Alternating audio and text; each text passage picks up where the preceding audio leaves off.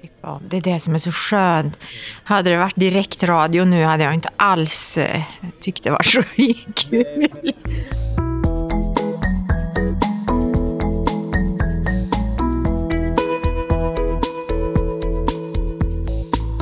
Hur vet vi vad som är bra? Hur vet vi att det blir bättre? Kafferast i Kunskapsfabriken. Nu ska jag ta fram min gamla skolengelska. Få se om det, det är mycket konsonanter och stavelser här. Legitimizing the knowledge of mental health service users in shared decision making. Katarina Grimm, vad betyder det? Ja, det handlar ja, Kontexten är psykiatri här.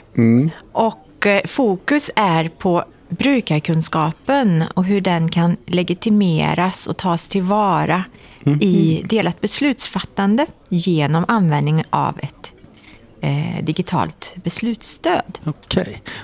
Och det jag läste upp titeln på, det är alltså din doktorsavhandling. Ja, Så du är doktor Grimm nu. det stämmer. Vad härligt. Ja. Eh, grattis! För Tack. det är inte så länge sedan heller. Nej, 13 september. Hur länge höll du på att doktorera? Ja, jag startade eh, 2013, men jag var inte igång på heltid någon gång egentligen. Så, ja, Nej, du har jobbat med annat under ja tiden. men så, liksom, det sammanlagda är ju ja, cirka fyra år. Då. Och ämnet heter Eh, Vårdvetenskap. vårdvetenskap. Ska du säga någonting om vad delat beslutsfattande är för metod? Ja, delat beslutsfattande det är en metod som är eh, främst utvecklad i somatisk vård eh, och eh, som det är en struktur för samtal mellan då brukare eller patient och, och eh, professionell eh, för att fatta eh, välgrundade beslut, Och välgrundade gemensamma beslut. gemensamma beslut. Ja. Just det. Och därav blir det då intressant att när man använder den metoden Använder vi verkligen brukarens kunskaper i de besluten eller lurar vi med brukaren i ett delat beslutsfattande? Eller hur ska man se det?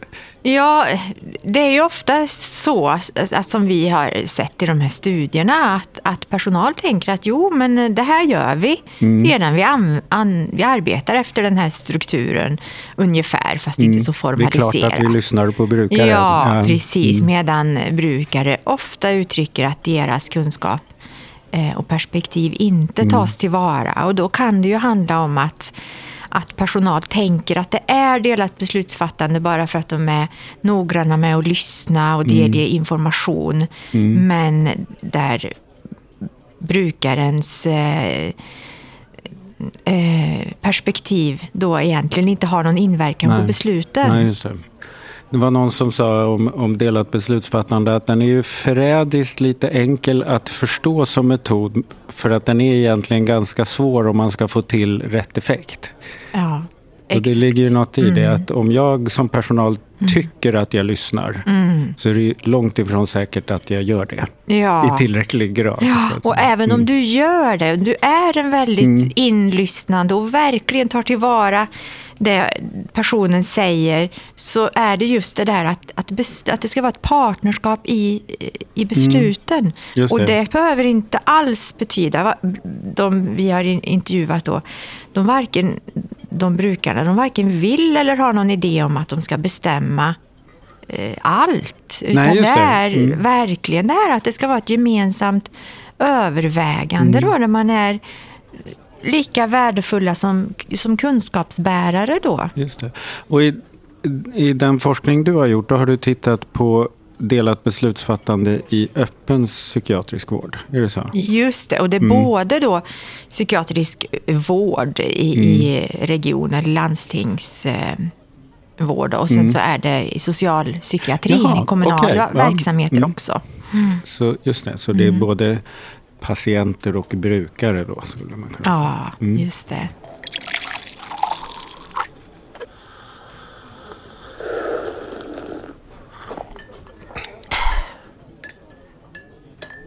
Men det du fokuserar på är ju då hur brukarkunskapen tas tillvara. Mm. Vad, ska, vad ska man säga att brukarkunskapen kan vara? Eller vad, vad är den då? Ja, dels är det ju erfarenhetsbaserad kunskap. Att man har ofta, ofta handlar det om långvariga eh, erfarenheter av att leva med psykisk ohälsa. Så att man har eh, Man har levt länge med sin schizofreni till ja, exempel. Mm. man vet hur man funkar. Man kanske har lärt sig att känna igen tidiga tecken. Mm. Man vet vilka strategier som fungerar och man har också skaffat sig kunskap genom att kommunicera med andra. Eh, och idag så är det ju också så att att eh, patienter, brukare är väldigt informerade Mm. från det de själva tar reda på i, i rent ja, Om, om vården och, Ja. och medicinkunskaperna också. Ja, Mm. precis. Så de, de blir också en brukarkunskap. Ja, absolut. Mm. Min kunskap om medicinsk teori kring min diagnos till exempel. Ja, Mm. och ibland är ju folk väldigt eh, pålästa. Mm. Och det där är ju ett problem då. Det, det, det, ett eh, av resultaten visar ju på det här hur brukare ofta har googlat och så vidare och hur behandlare ibland tycker att, att, att avråder dem eller inte vill eh, bemöta det. Mm. Och brukare själva har full förståelse för att det är väldigt komplext och det är väldigt lätt att bli överöst med mm, förvirrande information eller felaktig information. Men om de har en fråga av någonting de har läst så vill de ha den bemött. Även om det är att nej, men det här gäller inte för dig på grund av det här och det här. Men om den bara blir avfärdad då går man ju kvar med Ja, just det. Som, alltså, du borde inte hålla på och leta efter sånt där. Ja, Mm, du ska lyssna på mig precis. Ja, och då, då går man kvar med den där funderingen över det där man läste. Då. Eh, I de här delade beslutsfattandena som du har tittat på, vilka personalkategorier är det som sitter på andra sidan patienten eller brukaren? Då? Ja, det har varit en, i, i, kommunen då, så var det en hel del vård och stödsamordnare. Eh, och i psykiatrin så var det eh, ett litet antal läkare, då, psykiatriker och eh, terapeuter, psykologer. Så det är en, var, en variation Ja, det är det. Och vad upptäckte du? både, både personal och brukare behöver stöd för eh, delat beslutsfattande. Det, det, Trots att det finns ett formulär eller en metodik så kommer man behöva understödja användningen av den. Ett beslutsstöd ska göra det lättare att fatta bra beslut i olika situationer. Det kan vara utformat på olika sätt, som en checklista eller en broschyr, som ett program i en dator eller en app i telefonen.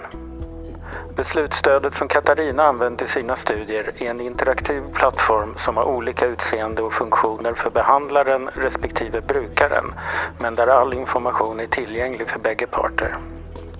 Båda kan skriva och läsa i beslutsstödet, såväl inför, under, mellan och efter deras möten. Det gör att de i lugn och ro kan reflektera och fylla i sina olika delar på egen hand och att båda kan vara väl förberedda när de ses. Ett, ett huvudfynd var ju också att, för man tänker sig, det finns ju många beslutsstöd som är utvecklade för somatisk vård och så vidare. Men att i den psykiatriska kontexten så behöver man eh, tänka, ta hänsyn till vissa saker när man utvecklar ett sånt här stöd. Då. Vad kan det vara?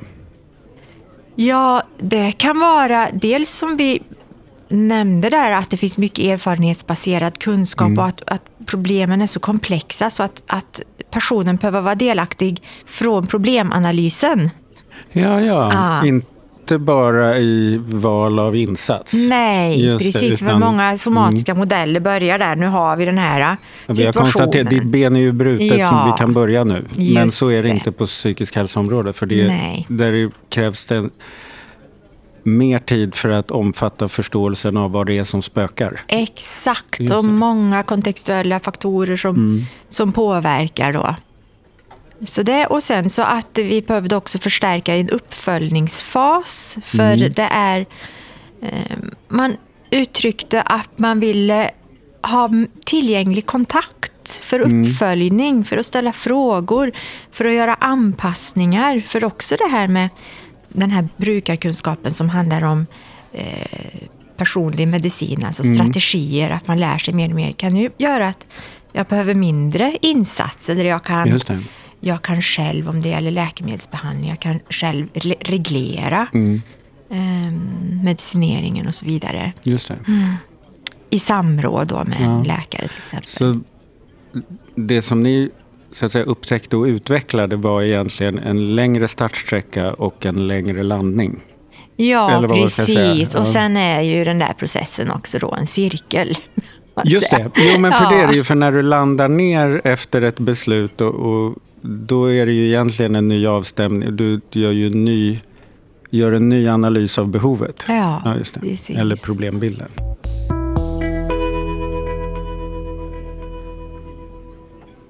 Var det positiva resultat tycker du? Eller var, var liksom, hur, hur, hur var det att upptäcka saker kring det här? Ja, det var både och. Mm. Ehm, jag tyckte det var, det, det var också lite eh, nedslående på det viset att, som jag också blev ett fynd då, när vi intervjuade eh, brukare kring vilka behov de hade av, Mm. av att få information och vad man ville delge för information till exempel i, i Mm. ett möte. Så hamnade fokus väldigt mycket på eh, makt, eh, obalans, att man kände sig eh, betraktad som bara en diagnos och i ett beroende Mm. situation och, och så vidare. Så att det för, förstod vi också att det måste fokuseras. Mm. Att skapa ett mer jämlikt möte.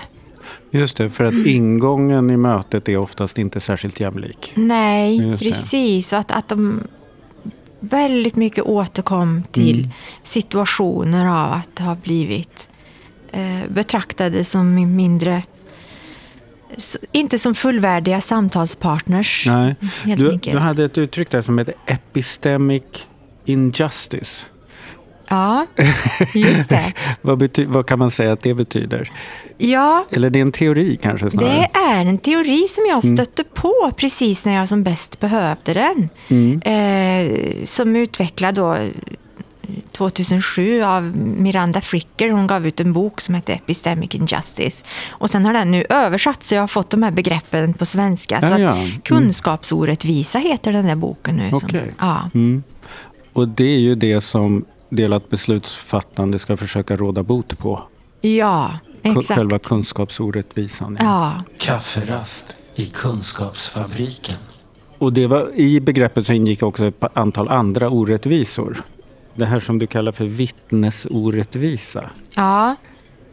Vad kan det vara? Det kan vara att en, det en person säger inte betraktas som trovärdigt eller tillförlitligt. För att man till exempel då har en psykiatrisk diagnos. Som någon kanske säger, det står i min journal att jag hade en psykos för fyra år sedan. Så ingenting eh, så Efter det säger. kan ingen lita på Nej, mig. precis. Ja, precis. Och det är fruktansvärt frustrerande att, att, att vara Just det. uppleva. Och sen var det tolkningsorättvisa. Ja, det är när man eh, saknar begrepp att eh, både förstå vad man, sina upplevelser Mm. och även att förmedla och uttrycka dem till andra. Som i, Mm. i psykiatrin pratar man ju ofta om att det är ett väldigt starkt medikaliserat expertspråk Mm. som är otillgängligt då för brukaren och kanske hindrar personliga beskrivningar och, och förklaringar.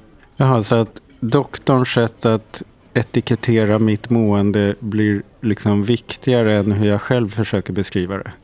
Absolut, och, och just den där makten som finns i den där etiketteringen som Mm. man ofta inte tänker. Men samtidigt då så, för det är många som kritiserar väldigt starkt det här medikaliseringen Mm. och det kan man absolut göra. Men det, i, i det som kom fram var också att eh, en del uttryckte att de hade blivit epistemiskt stärkta Mm. i att få de här begreppen. Alltså när de såg Ja, just jag kunde se på 1177 och jag såg och jag fick min diagnos och de här kunde se. Då kunde jag både förstå mig själv och jag kunde Mm. förmedla till mina anhöriga.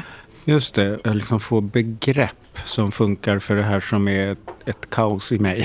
Kanske. Exakt. Eller bara obehagligt eller så. Och det, med en ökad begriplighet, Ja, just ökad det. Mm. hanterbarhet. Just det. Ja. Plus att jag då får, kanske då har tillägnat mig samma språk som doktorn. Ja. Mm. Just det. Och sen den tredje som heter deltagarorättvisa.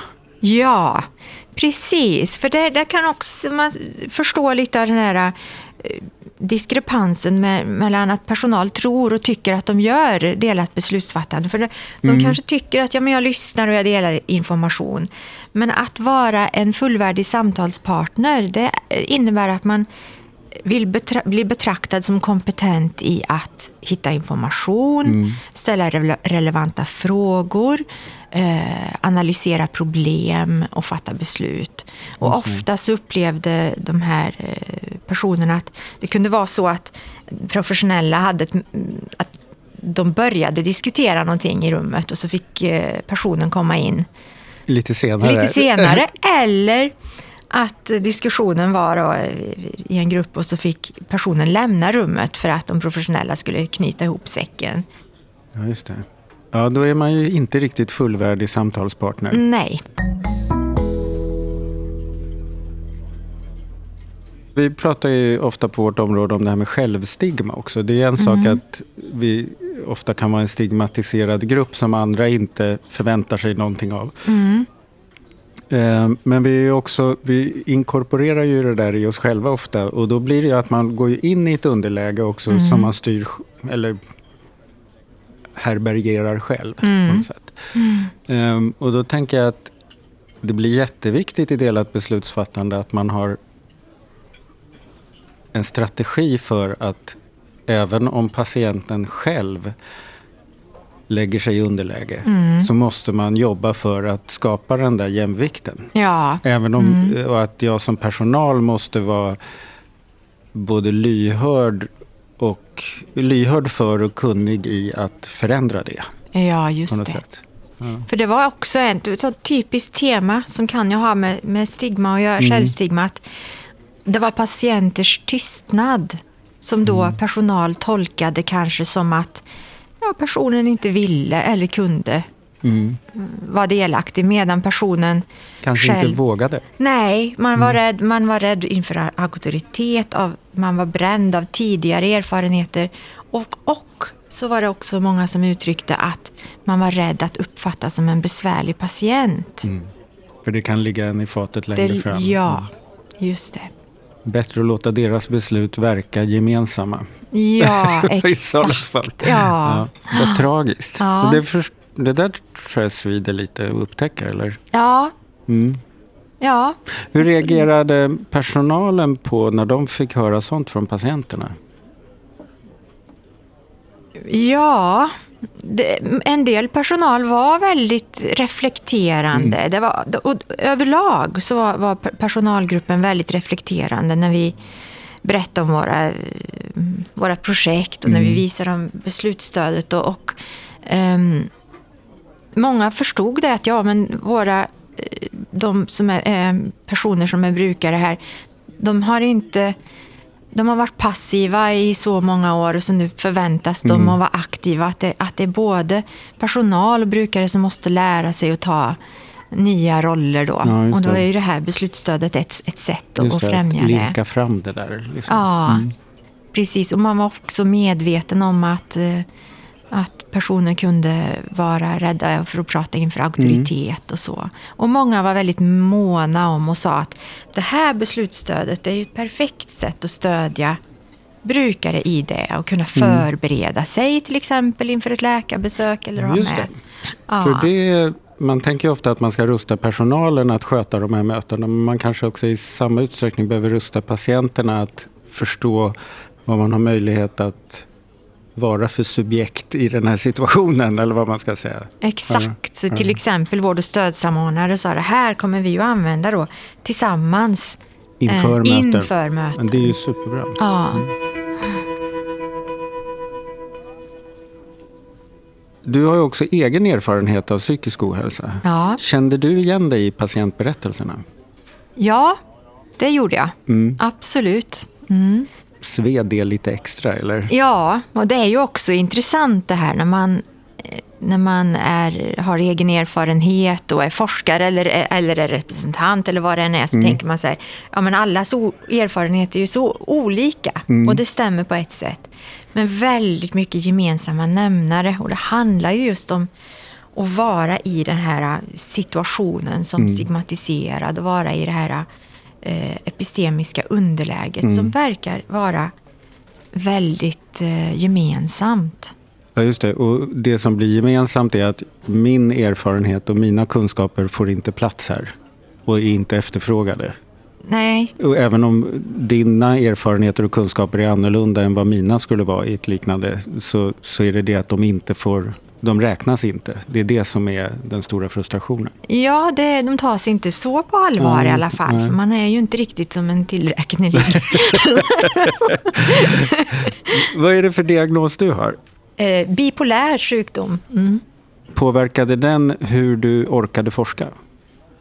Ja, det gjorde den absolut. På både eh, positiva Mm. sätt och sen så finns det ju liksom risk för eh, oönskad eh, bias, Mm. om man Ja, säger. Eh, så att jag fick ju vara väldigt medveten om det och fick Mm. ju då hjälp också i, i, i teamet och mina handledare att eh, Hålla struktur? då, jag var uppmärksam Ja. på, på um, olika saker. I, Mm. intervjusituationen till exempel, att det är rätt att, lätt att när man delar mm, eh, erfarenheter från samma fenomen så kan man läsa in saker. Mm. Ja, ja, just det. Du ja. har någon slags undermedveten bias när du lyssnar Ja. på andra som har ungefär samma diagnos eller varit i samma situation. Och Ja, det kan vara, just just det, det där förstår jag. Och sen så kan jag, liksom Du mina som- erfarenheter Du gör styra. som personalen alltså. Ja, du tänker att det här förstår jag. Ja, ja absolut. Jag har minsann lyssnat. Absolut, att jag det. Mm. tänker, ja, det där vet jag, det där, så kan det vara. Eller att man styr i, i frågorna och så vidare. Så det där måste man vara väldigt uppmärksam på. Ja, spännande. Samtidigt som det kan vara en förtjänst i både intervjusituationen Mm. och i analysen. Så att, eh, mm. Just det. Använder du dig av det, ö- erfarenheten också öppet?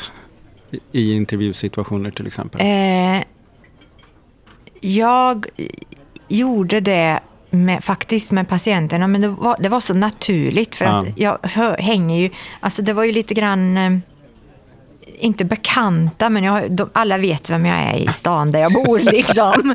Ja, men däremot så... mm, Och de vet att du både forskar och behöver psykiatrin ibland? Ja, Mm. och eftersom jag pratar om dig Karl så pratar jag om det i andra grupper också. Men i personalgrupperna tror jag faktiskt, det minns jag faktiskt inte Mm. riktigt hur jag nämnde det. Vad sa man i forskarvärlden då? Att du forskade på något som låg dig ganska nära? Sådär, eller som du till och med hade erfarenhet av? Eh, ja, faktiskt så tror jag det var därför jag, som jag blev rekryterad in i projektet. Okej. Mm. Ja, för att man ville ha... positivt. Mm. Ville ha Man ville verkligen ha, det var ett tvärvetenskapligt team med, med Mm. kompetens från olika ämnesområden. Och så vill man ha den här erfarenhetsbaserade kunskapen då. Just det. Och du skriver också om det i själva avhandlingen va? Ja, väldigt lite. Det, kan, det syns, lyser lite grann i förordet. och- Men sen nämner jag det också i metoden då. För det är ju viktigt att eh, visa. Vi använder ju olika deltagarorienterade eh, designer. Och då är ju min... Egen min erfarenhet ja, en, det är ju en, del. komponent i det Ja, där. precis. Hur vet vi vad som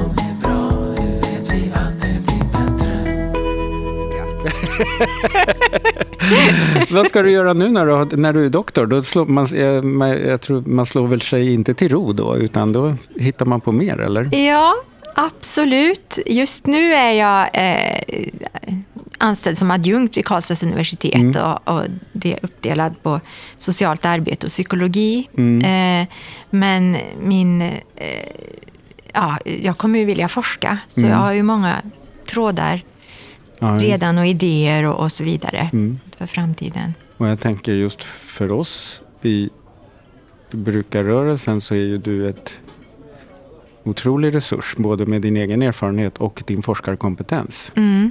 Och, inte minst de ämnen du redan har börjat forska kring. Som, Ja. som ju är skulle jag säga, avgörande. Alltså börjar man lyckas med de här mötena mellan patient och personal på ett mer jämställt och kunskapsrättvist sätt. Mm. Så har vi ju kommit ganska långt när det handlar om inflytande och delaktighet. Absolut, och det är ju så jag känner också att eh, det är liksom tillsammans med NSPH och sådana nätverk Mm. som det, jag kommer vilja gå framåt. Ja, vad trevligt. Då kommer vi få se mer av varandra. Ja, det kommer vi. Stort tack för att du tog dig tid att vara med här i podden. Ja, tack så mycket